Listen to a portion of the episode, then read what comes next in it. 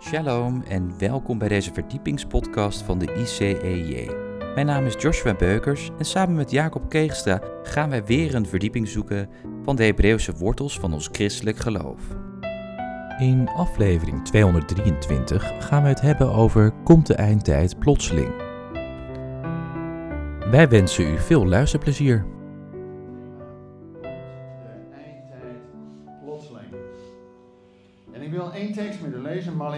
3, vers 1. En er staat Malachi 3, vers 1. Het is goed om mee te lezen. Zie, ik zend mijn engel die voor mij de weg bereiden zal. Plotseling zal naar zijn tempel komen de Heer die u aan het zoeken bent. De engel van het verbond in wie u uw vreugde vindt. Zie, hij komt, zegt de Heer van de legermachten. Maar wie zal de dag van zijn komst verdragen? Wie zal bij zijn verschijning stand houden? Want hij is als een vuur van een edelsmid en als zeep van de blinkers. Tot zover. Met name de kern over plotseling zal. Ik wil met u een principe in Gods woord delen over dat plotseling zal. En dan uiteindelijk uitkomen bij de vraag: komt ook die eindtijd plotseling? Nou, laten we gaan kijken over dat principe van God, dat God al in de Bijbel het profetische woord geeft. Wat vaak een enorme aanloop heeft. Dat God, jongens, God weet het einde vanaf het begin. En het profetische woord geeft al een inkijkje waar het naartoe gaat. En dan, als God dat profetische woord gegeven heeft, wat vaak al eeuwen van tevoren gegeven is, dan vlak voordat het werkelijk komt, zien we dat het verhevigt in de situatie.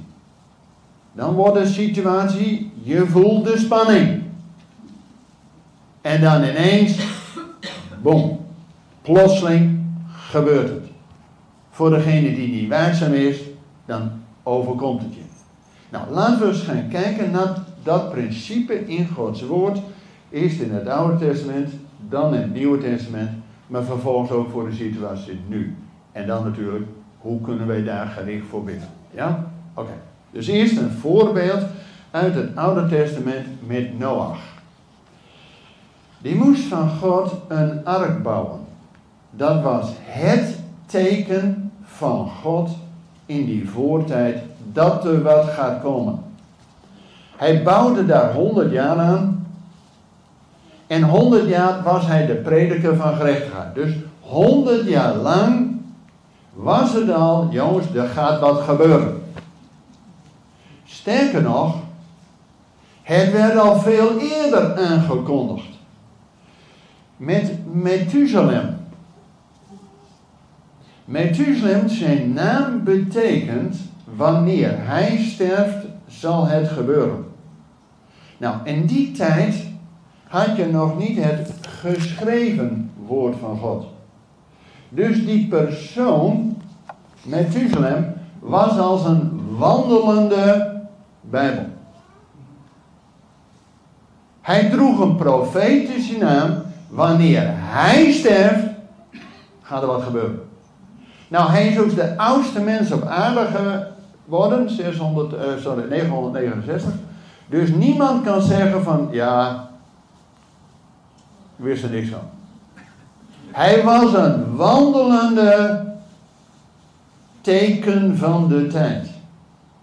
En als je het opzoekt en narekent, precies in het sterfjaar van Methuselem kwam de zonvloed.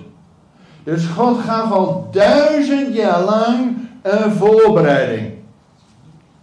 Dat was het eerste. Dan daarna nog honderd jaar een zichtbaar teken van die ark. Jongen, wie bouwt nou een ark op het droge? Dat ben je toch ook wel. Dan moet er toch wel aan de hand wezen. Nou, dat vertelde hij dan ook. Hè? Iedereen vroeg nou, wat wil je doen? Dus hij was honderd jaar de prediker van gerechtigheid. Dat God door zijn woord en geest zonder gerechtigheid en oorlog. Oké. En dan ook nog Dat gewoon al die, die dieren, twee en twee, nou dan moet je meer zo denken, dat een opdracht hier. Dat ze dan niet even gedacht hebben, nou, ik moet ook maar uh, even binnenkijken. En dan dus duizend jaar aanloop, dan honderd jaar nog intenser, dat is erg voor iedereen zichtbaar. En ook nog veertig dagen in die ark voordat het allemaal los gaat. En dan in één keer plotseling zo. En wat zegt, direct even naar ons thema, wat zegt de Bijbel over die eindtijd? Het zal zijn als in de dagen van Noach. Ze waren allemaal druk met van alles en nog wat. En ze hadden het teken van God zichtbaar, kon het dan niet omheen, niet gezien. Een tweede voorbeeld, nog steeds uit het Oude Testament, met de Exodus uit Egypte. Notabene, God had aan vader Abraham al gezegd, profetisch, ik zal je land en volk geven, maar weet wel dat jouw nageslacht 400 jaar lang in Egypte zal zijn. Dat is 400 jaar. En dan, vlak voordat die 400 jaar, trouwens even met Hebreeuwse oren. De Bijbel is in het Hebreeuws geschreven. Hè? We hebben altijd dat Jezus in ons onze alfa en omega, de leidsman en volleinder van ons geloof. Ja, hè? Dat lukt ook in Assen. Oké, amen. Nee, want anders moeten we uh, nog stoppen. Dan hebben we eerst een uh, andere dienst. Ja, nee, je weet nooit. Oké. Want we bouwen voort op het fundament, hè? Oké. Als er geen fundament is, ja, dan zak je door ijs. Ja. Met Abraham had God al gezegd: 400 jaar zal jouw nageslacht in Egypte. Die 400 is in het Hebreeuws waardevol. Want Jezus is de alfa en omega, zeggen we. Dat is Grieks. Maar het Hebreeuws is hij de alef en de taf. De eerste en de laatste letter van het Hebreeuwse alfabet. En de alef is gewoon nummer 1. Jezus onze nummer 1, de eersteling uit de doden. Amen. Maar hij is ook die taf. En dat is getal 400. Dus wanneer de 400 jaar vol zijn, dan zegt God, move. En die farao, joh, dat wil ik allemaal niet. Ah jongens, die farao had nog eens een zwemdiploma. Waar heb je het over? Als God zegt go, dan is het move. Dus het was aan Abraham al verkondigd 400 jaar. Nou, dat is net, hè? En dan vlak daarvoor met Mozes dat het zichtbaar wordt. Had tien tekenen. Plagen voor degene die overkwam, maar tekenen voor de gelovigen. Tien tekenen dat de God van Abraham, Isaac Jacob machtiger is dan al die afgoden van Egypte. Dus 400 jaar lang die lange aanloop. Dan, nou dat is natuurlijk die tien plagen, dat is niet in één dag gebeurd hè. Dat is ook een tijdje over. Dus dan werd het intenser. En dan werd iedere keer werd intenser. Tot aan die laatste en toen was het in één keer boom. En wat ik dan vreemd vind, dat plotseling zal. Jongens, dan heeft Israël 400 jaar in Egypte gezeten. Dan hadden ze toch makkelijk een, een uh, uh, afscheidsparty kunnen hebben. Een farewell dinner. En weet ik het wat. En dan moesten ze s'nachts nog overhaast vertrekken. Plotseling zal. Als je niet voorbereid bent. Degenen die voorbereid waren, hadden wel een afscheidsmaaltijd. De Pesachmaaltijd. Waar Jezus later de verdere invullingen vervulling van geeft. Ja? Oké. Een derde voorbeeld. En dat is, niet alleen met de Exodus, maar ook eeuwen later met de ballingschap. God had al via de profeet, weer profetisch woord, Jeremia gezegd, als Gods volk niet doet wat God gezegd heeft, dan worden ze 70 jaar naar Babel geplaatst. Nou, die 70 jaar, dat is heel erg. En dan vlak van tevoren laat God ook nog via tekenen, wat er allemaal gebeurd is met Daniel en zijn vrienden, zien dat er een God is die door gebed dingen verandert. En dan ineens, na dat gebed, plotseling mag het. Worden de deuren open gedaan en gaat Israël op weg naar het beloofde land. Nou, dat zien we niet alleen in het, wat wij noemen, Oude Testament. Wat niet oud is en geen testament is. Jongens, dat was de Bijbel die onze Heer Jezus had. Hè? Hoe worden die genoemd? Wet en profeten. De geschriften die u wijs kunnen maken tot zaligheid. Moet je niet oud noemen. Is een woord aan leven. Oké, maar goed. Dan in het Nieuwe Testament. Ook een aantal voorbeelden. Natuurlijk eerst van onze Heer Jezus. Ook Jezus en de komst van Jezus werd eeuwenlang al aangekondigd. Notabene direct al, wanneer Adam en Eva uit het paradijs moeten, dan wordt er al een belofte gegeven dat er een Messias komt. En zelfs een heidense profeet als Biliam, die profeteert zelfs dat er een ster uit Jacob zal komen. Maar nu nog niet, dus het is nog verder weg, profetisch voor de toekomst. En dan uit Jezaja wordt het nog veel duidelijker. Een kind is ons geboren. En dan komt die engel aan Maria zeggen van, ge zult. Nou, dan duurt het, dus eerst zal hij aanlopen en iedere keer door God worden, iedere keer bevestigd, hij komt, hij komt, hij komt. Dan met die engel het wat, jongens, nu wordt het echt serieus. Maar een zwangerschap normaal duurt negen maanden. Dus dat wordt ook allemaal. En dan in één keer, wanneer de tijd vervuld is, in de volheid van de tijd, geladen 5 vers 5, werd Jezus geboren. Op Gods timing. Maar met een aanloop van eeuwen, dan die negen maanden van voorbereidingszwangerschap en dan ineens plotseling is de verlosser. En de engelen, die zingen. Maar de rest slaapt. Dus het is iedere keer, zijn wij waakzaam op de tekenen van God of niet? Ook met de Heilige Geest. Eeuwenlang al aangekondigd bij Ezekiel. Dat God zijn geest over zijn volk gaat uitstorten. Eeuwen van de woorden al aangekondigd. Dan vlak van de woorden dat Jezus met de hemelvaart zegt dat ze moeten wachten te Jeruzalem. Jongens, dat duurt nog tien dagen. Van hemelvaart opeens. En dan ineens, plotsklaps, kwam Gods geest. Iedere keer datzelfde principe, lang geprofiteerd. Het wordt intenser vlak van de hoorn en dan ineens plotseling zal. Nou, en nu ook naar de eindtijd toe. Want de Bijbel zegt een aantal dingen daarover. En als we dat lezen in Matthäus 24, staan een aantal dingen over de eindtijd genoemd. Het zal zijn als in de dagen van Noach, maar ook de vergelijking met een zwangere vrouw. Nou, die weet negen maanden van tevoren dat het kind eraan zit te komen. Maar wanneer het kind eraan zit te komen, dichterbij komen die weeën. En zodra het kind geboren is, denkt men niet meer aan de weeën. Dan kijk je het kind.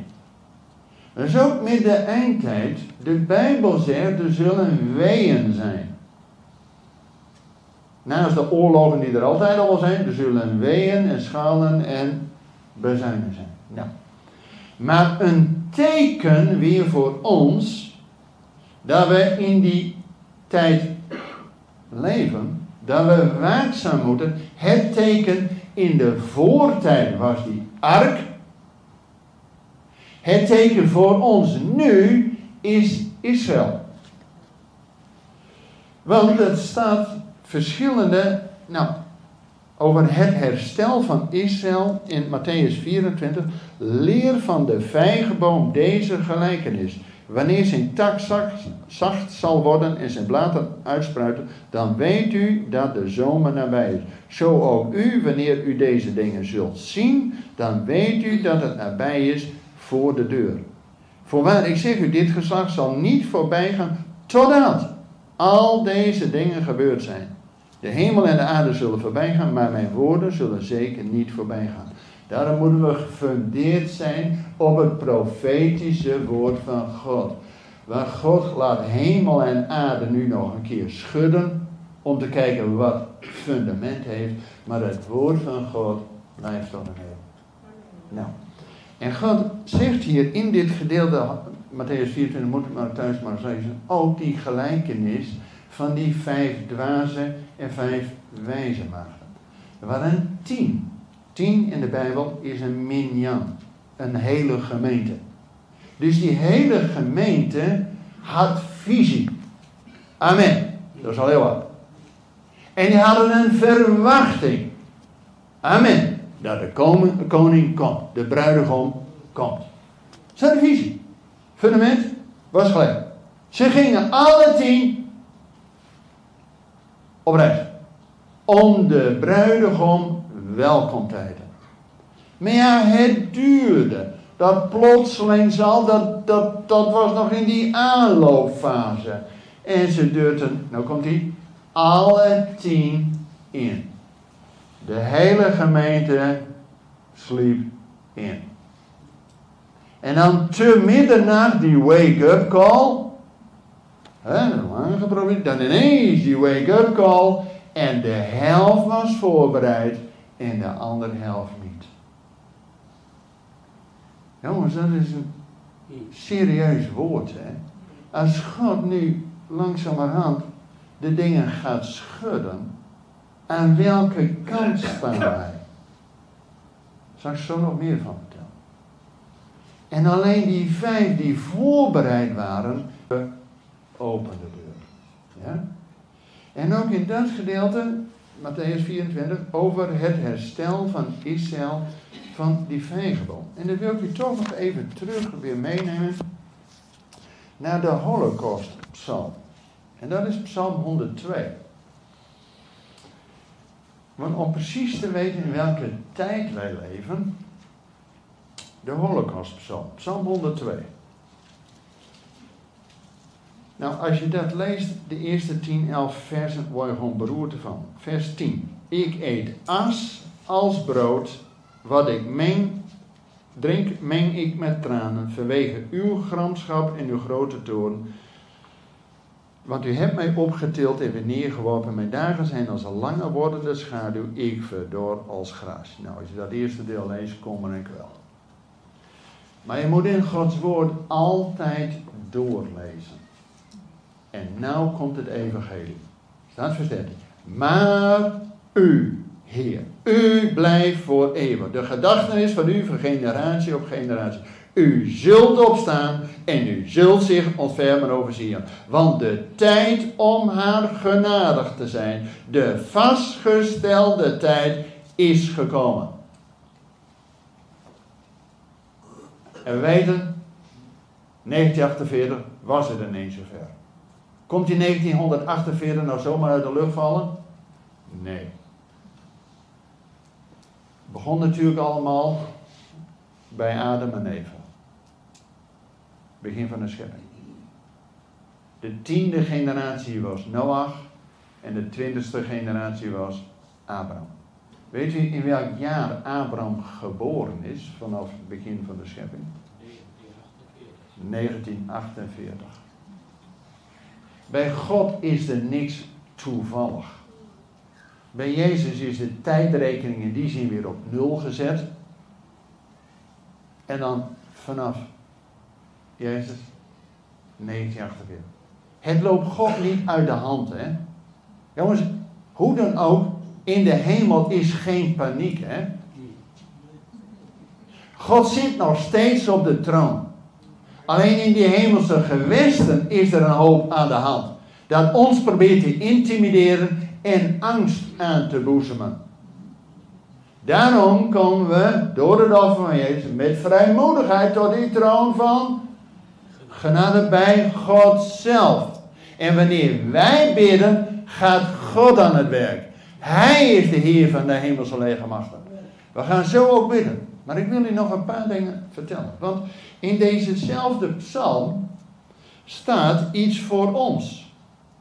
Vers 19. Dit wordt opgeschreven voor de volgende generatie. Het volk dat geschapen wordt, zal de Heer loven. Dat staat er niet. Ja, dat is een goede vertaling. Maar in het Hebreeuws staat hij nog even krachtiger. Daar staat niet een volgende generatie, want dan, ja, dan is, ja. En deze tekst uh, las mijn opa ook. En mijn moeder. En, uh, ja, welke generatie is het nou? Hier staat in het Hebreeuws, dit wordt opgeschreven voor de laatste generatie. Hé, hey, hoe lang duurt een generatie?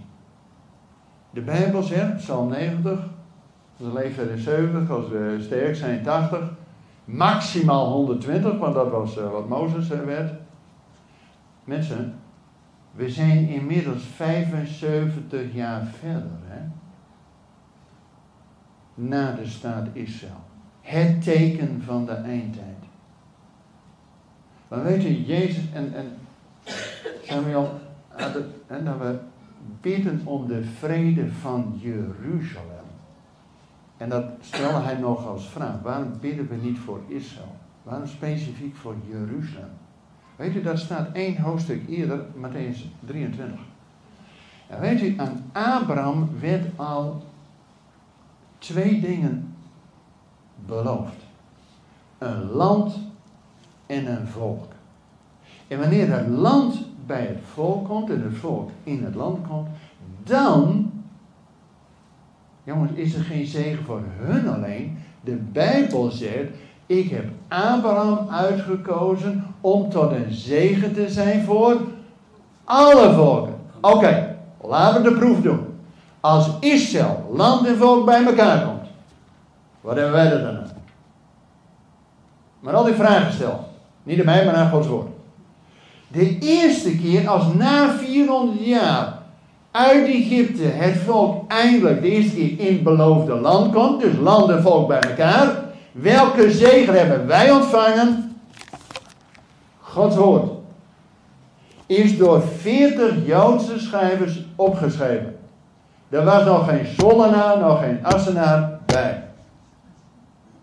En voor Israël, door Israël. De tweede keer dat Israël uit Babel in het land terugkwam, dus weer land en volk bij elkaar. Welke zegen hebben wij er dan doorgekregen? Leuk dat zij weer in een land zijn, maar wat hebben wij dan nog? Ik speel even, eh, wat hebben we dan? Nou, de tweede keer toen Israël in het land kwam, hebben wij Gods zoon en Gods geest gekregen. En wat zegt de Romeinen 15? We hebben door Israël alle zegen ontvangen. Gods woord, Gods zoon en Gods geest. Amen. En toen viel de tempel. Israël werd verstrooid. Ja, wij hadden alle zegen al. Gods woord, Gods zoon en Gods geest. Maar nu God, nu de volheid der heidenen binnengaat en God de draad weer met Israël oppakt. In 1948 als een teken voor deze tijd is. Wat hebben wij er dan aan? Leuk dat Israël nou voor de derde en laatste keer in het land staat. Jezaja 11 profiteert dat. En de, die mensen eromheen vinden dat helemaal niet leuk. Die wilden Free Palestine from the river to the sea. Die vinden helemaal niet leuk dat Israël er zit. Maar waarom is Israël nu het teken van deze tijd? En zijn we al 75 jaar onderweg en wordt het spannend? Waarom nou? Omdat de grote zegen dat Israël weer terug is in het land. Welke grote zegen staat eraan te komen? We hebben Gods woord al, Gods zoon al en Gods geest al. Wat heeft er voor nut? Dat is zo dat in het land is. Jongens, er is maar één grote zegen maar over. En dat is de komst van de Messias. En waarom bidden we nou voor Jeruzalem? Omdat Jezus pas terug kan komen als er drie dingen vervuld zijn. De eerste is, zegt Jezus zelf, dat het evangelie de wereld rond moet. En dat is bijna zover. Het is vanuit Jeruzalem, Klein-Azië, Europa, met Columbus, een bekeerde Jood, naar Amerika gegaan. Met de Azusa Street Revival naar Zuid-Amerika. Inmiddels is het aan de andere kant. Molukken zijn gelukkig ook al. Maar ook de Fiji-eilanden. is het verste weg, hè? Bij de tijd uh, Filipijnen. De grootste kerken zijn in Zuid-Korea. De ene kerk van Jonge Cho heeft meer dan een miljoen leden. Dus ik weet niet hoeveel mensen je straks voor de koffie verwacht, maar een miljoen. Dat gaat een beetje uh, uitdaging, hè? Inmiddels willen die zendelingen van Zuid-Korea, en die zijn wat fanatieker dan wij, die kom ik op de muren van Jeruzalem tegen. En die willen maar één ding. Om het evangelie via de zijderoute, specerijroute via uh, China, noem maar op. Back to Jerusalem. En weet u, nu. Alles heeft het over Iran en die sponsort de Hezbollah en de Hamas. Willen we straks uh, horen. Maar weet u dat er ondertussen 6 miljoen gelovigen in Iran zijn? Dat er iedere maand 10.000 mensen tot geloof komen in Iran. Met al die ayatollahs en moeders en niks maar. Maar waar Gods geest aan de gang gaat, is niet te stoppen. En dat gaat verder, die sneeuwbal. Want ook er komt nog verzoening tussen Jacob en Esau. Zou je nu niet zeggen? Maar we bidden voor. Gods woord is duidelijk. En weet u, dat is nummer 1. Dat het evangelie de wereld ronde. De tweede voorwaarde is dat God zijn volk gaat verstrooien naar alle uiteinden der aarde en hen terugbrengt.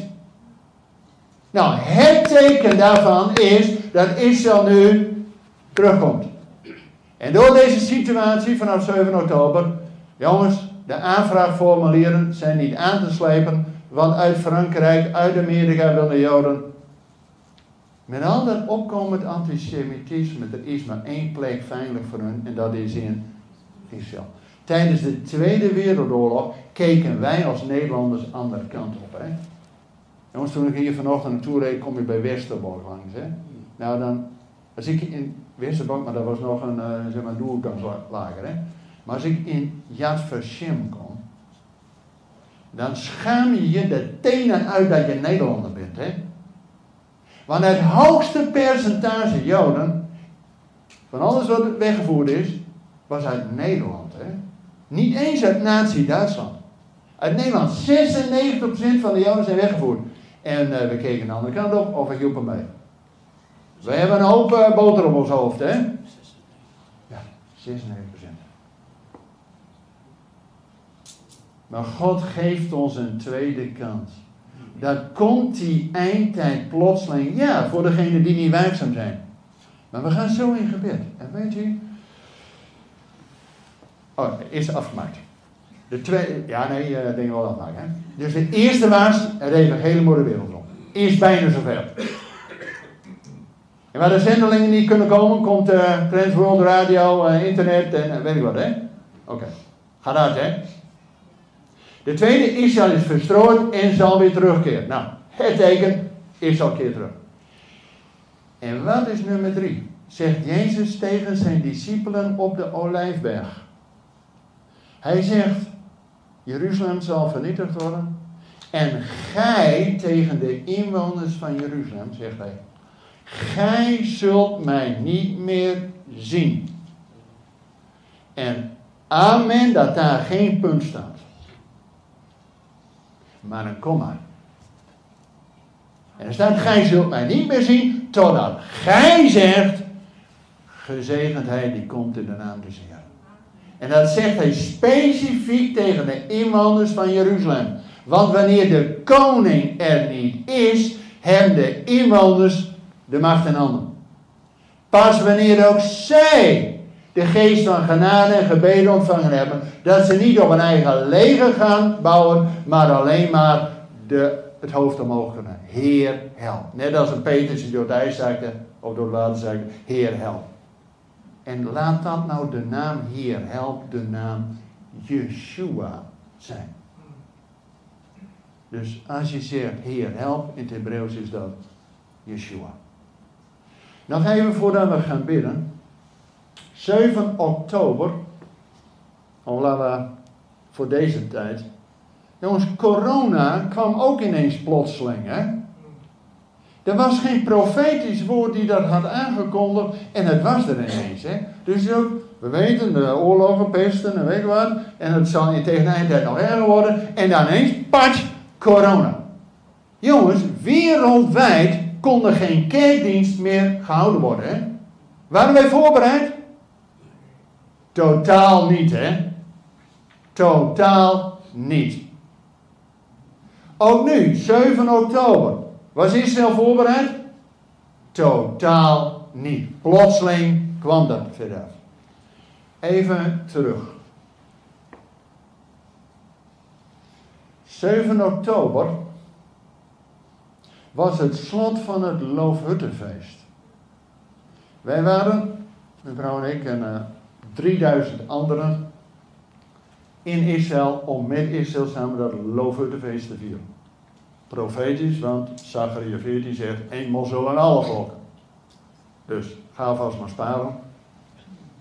Ja, de Bijbel zegt eenmaal zal. Niet van misschien staat het te gebeuren, eenmaal zal. Ja, dan kun je beter alvast maar voorbereid zijn. Nou, we waren daar met ruim 3000 christenen om met Israël dat feest te vieren. Voornamelijk in, eerst in het noorden en toen vooral in Jeruzalem, waar daar mooi wezen. Maar we hebben ook bewust één dag een bemoedigingstocht gemaakt naar de mensen langs de Gazastrook. Daar zijn we vaker geweest, want ze staan al vaker onder uh, uh, druk. Een aantal jaren geleden was het dat, ze hadden weer iets nieuws bedacht, hadden ze ballonnen met vuurwerk eraan. En die lieten ze in het voorjaar op, aan dat rijpe graan, als dan die ballon naar beneden komt op een gegeven moment, verbrandt dat graan. Heb je niks te eten.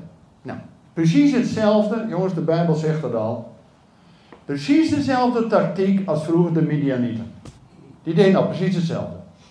En uh, Simpson, die dacht, nou, ik zal hen ook eens een lesje leren. Die ving 300 vossen. Twee en twee staten naar elkaar, sparkelde ertussen en dan in hun graan. Vonden ze niet leuk. Ik vind het trouwens knap om een vos te vangen, hè. En dan ook nog 300. Oké, okay. oké, okay, maar Simpson dat was wat meer biceps en triceps en uh, die vos waren gewoon bang en die staan allemaal shaken. Oh. Oh. Jongens, dat is een hè. Maar Simpson was een beeld van de Messias. Hè? Al die profeten een beeld van de Messias. Hij ging naar Gaza om hen te redden. Hij trouwde met iemand daarvan. Maar ze pikte het niet op. Hij wou verzoening. Maar er kwam oorlog. Oké, nu, en, en, toen, toen hebben we allerlei, uh, aantal jaar geleden, hebben we allemaal uh, gegeven en, en, en beschermende kleding, maar ook alarminstallaties. Zodat ze, wanneer er wat aan de hand is, dat ze direct alarm kunnen slaan.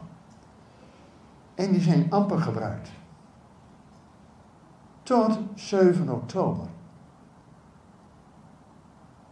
En 7 oktober, plotseling, dat de vijand ineens onverwachts aan het eind van het Loofhuttenfeest hebben ze extra dag van de vreugde van de Torah. Dat ze met de Torah rollen, dansen, vreugde van we hebben Gods woord gekregen. En de vijand wil maar één ding, de vreugde roven. Nou, dat is behoorlijk gelukt. 5 oktober waren wij daar met ruim 600 christenen bij die kibbutzen langs de strook van Gaza. Die burgemeester van dat gebied, nee, uh, She'ar HaNegev, die sprak ons toe. Het was loofhuttenfeest nog, dus we zaten met hun in de loofhut te lunchen. Twee dagen later zijn die mensen daar op brute wijze vermoord. Mensen, gewoon, als je dat hoort, die terroristen hebben in een uur hun slag geslagen. Hè? S half zeven, als de uh, licht op is, door het gas. Hebben we 1200 mensen gedood, 1000 gewond en 240 gegijzeld. In een uur, hè? Maar gelukkig, die alarminstallatie die wij zo jaar geleden gegeven hebben, was ook iemand die daardoor fanatiek op drukte. En al die kibbutzen uh, uh, uh, waarschuwen. Stond deze week in de krant, in de Israëlische krant, dat door die geluidsapparatuur die wij als christenambassade geloven naar de volk gegeven hebben, dat daar duizenden levens mee gespaard zijn. Want die terroristen hadden in hun achterzak, wat hebben ze gewoon gevonden, had ze plannen om 5000 mensen kopie klein. Alleen hoe deden ze dat nou? Het is te gruwelijk voor woorden. Dan zie je hoe, hoe het puur duisternis is. Dat ze eerst die Joden martelen, vervolgens doden, vervolgens ophangen en vervolgens verbranden. Dat moet toch ook wel helemaal puur duisternis. En al die miljarden die ze gekregen hebben, ook van Nederland en van, van Europa, is om Israël te ondermijnen. Al die tunnels ondermijnen. Nou, ik ben in één zo'n tunnel geweest vanaf de Joodse kant. En daar kan wel een vrachtauto doorheen rijden. Is er niet van hoeveel kilometer nee tunnels? Nee, ongelooflijk. Jongens, het is puur duisternis. Het is niet een strijd alleen van Hamas tegen Israël. Maar weet u hoe Hamas deze strijd benoemt? Niet de strijd om Gaza. Weet u hoe die strijd direct genoemd wordt? kom je nooit tegen op nationaal. zij noemen dit de Al-Quds-storm. Al-Quds is voor hen Jeruzalem. Dus het is voor hun de storm om Jeruzalem. Want als ze Jeruzalem hebben, en er staat als een heiligdom van hun, dan staat ook, God heeft geen zoon. Nou jongens, als God geen zoon heeft, wat doe je hier dan? Dan kun je wel geloven in het offer van de zoon, maar als die zoon er niet is, Jongens, dat is puur tegen ons gericht. Zodat wij geen geestelijke minuut hebben om door de zoon tot de vader te gaan. Zodat hij voor ons gaat strijden. En als wij bidden, opdracht, Samuel zei dat, Psalm 122, bid voor die vrede van Jeruzalem. Dat wanneer Israël niet in het land is, en Gods genade en gebeden niet overkomt, zodat ze ook uitzien naar die komst van de Messias. Dat wij samen met hen de rode lopen voor koning Jezus uitlopen. Dat we die net als die vijf wijze maagden voorbereid zijn. Dat Gods geest de lampen in ons hart doet maken. Dat we bidden jongens, het is tijd. Wees waakzaam. En weet je nou, sinds 7 oktober, die voor velen onverwachts kwam. Ook voor Israël. Jongens, laten we gewoon duidelijk zeggen. Dit was de blamage voor het Israëlische leger. Dat is zo high-tech en drones en, en, en, en Iron Dome en uh, David Slinger en ze hebben wel alles. Maar ze waren niet op de jongens voorbereid. Wij bidden al jaren dat ze niet op een, niet door kracht of geweld, maar door Gods geest. Dat ze niet op hun eigen wapenen gaan vertrouwen, maar op God. Weet u, mijn vrouw heeft direct vanaf 7, 8 oktober een WhatsApp-groep gestart. Ja, dat uh, kwam gewoon. Om mensen vanuit, wij zijn toen nog in Israël, om mensen ook in Nederland te bemoedigen en waar we concreet voor kunnen bidden. Nou, ze heeft inmiddels 2300 mensen op de WhatsApp om uh, twee, drie keer per dag uh, hun te voeden met een woord en dan een overdenking of vooral punten van gebed. Ik denk dat we gaan afronden, maar heel duidelijk. Wij worden als christenambassade, maar u net zo, Jezaja 40, hè? troost, troost mijn volk. En weet u, troost, troost mijn volk. dat is niet alleen zoals een moeder een kind troost als hij het moeilijk heeft. Maar uiteindelijk dat we bidden om die trooster. Dat ook Israël getroost mag worden door de trooster. En weet u, Israël was tot op het bot toe verdeeld, hè? Door al die juridische vormen wel of niet, dat weten. En wat tot op het bot toe verdeeld. Ze net Nederlands. Twee Nederlanders, drie meningen. Maar door één aanval van de tegenstand, ze zijn ineens weer één. En dat zien we ook in de Bijbel. God gaat nog wel eens de tegenstanders gebruiken om zijn volk tot inkeer te brengen. Dat is ook voor ons. Als we het allemaal hoera hebben, gaan we niet op de knieën. Maar wanneer we het moeilijk hebben, dan komen we ineens, oh ja, we hebben ook nog een God. En dan pas gaan we op de knieën. Weet u, troost, troost mijn volk. Is uiteindelijk dat ook die andere trooster, de Heilige Geest, gaat werken in hun harten. Dat er vroeg of laat, door dit alles, verzoening komt. En weet je, God gaat dit gebruiken om Israël tot zichzelf te brengen. Want Israël is weer terug in het land. En wij hebben als christenen 200.000 Joden geholpen om naar Israël te gaan. Vanuit Rusland, vanuit Ethiopië, noem maar op. Maar we bidden dat ze niet alleen terugkeren naar het land. Dat is fase 1. Maar we bidden dat ze terugkeren tot het hart van de Vader. Dat is die geestelijke stam. En Ezekiel 36, 37 zegt dat. Dat dat ook in twee fases gaat. En nu is wel de tijd. Als we steeds meer naar die eindtijd gaan. Dat het ons niet plotseling overkomt, maar dat we stelling nemen. En weet u, nu ook met die hele situatie. Je ziet zo duidelijk met die Hamas dat de geest van Amalek bezig is. Die Israël niet in zijn bestemming wil laten komen. En weet u, Mozes die had het door. Die zond Jozua uit om te strijden in het fysieke. En is dezelfde naam als Yeshua, die voor ons gaat strijden. Maar Mozes ging zijn positie innemen. Die ging de berg op, want hij had door dat het geestelijke en het natuurlijke één zijn. En hij nam de staf gods mee als een banier. En zodra die banier omhoog was, had Jozua overwinning. Maar ja, Mozes was 80. Dus op een gegeven moment hij ook een beetje moe. En dan had hij twee helpers. Aaron en Hur. Die zorgden ervoor dat die staf gods onbewegelijk naar boven ging. En weet u, ze liet een plaatje naar even zien, hè. Dat driemanschap nam zijn geestelijke positie in.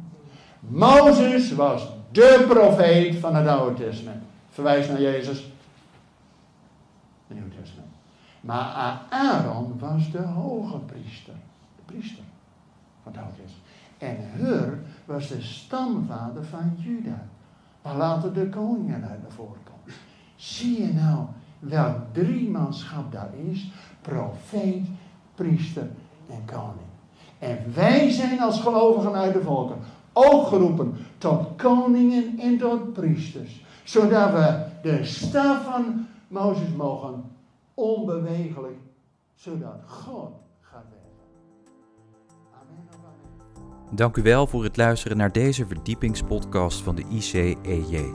Waardeert u onze podcast? Steun ons dan. Dat kunt u doen door een donatie of door deze podcast te delen met uw vrienden of familie. Ga hiervoor naar icej.nl. Dank u wel voor het luisteren en tot volgende week.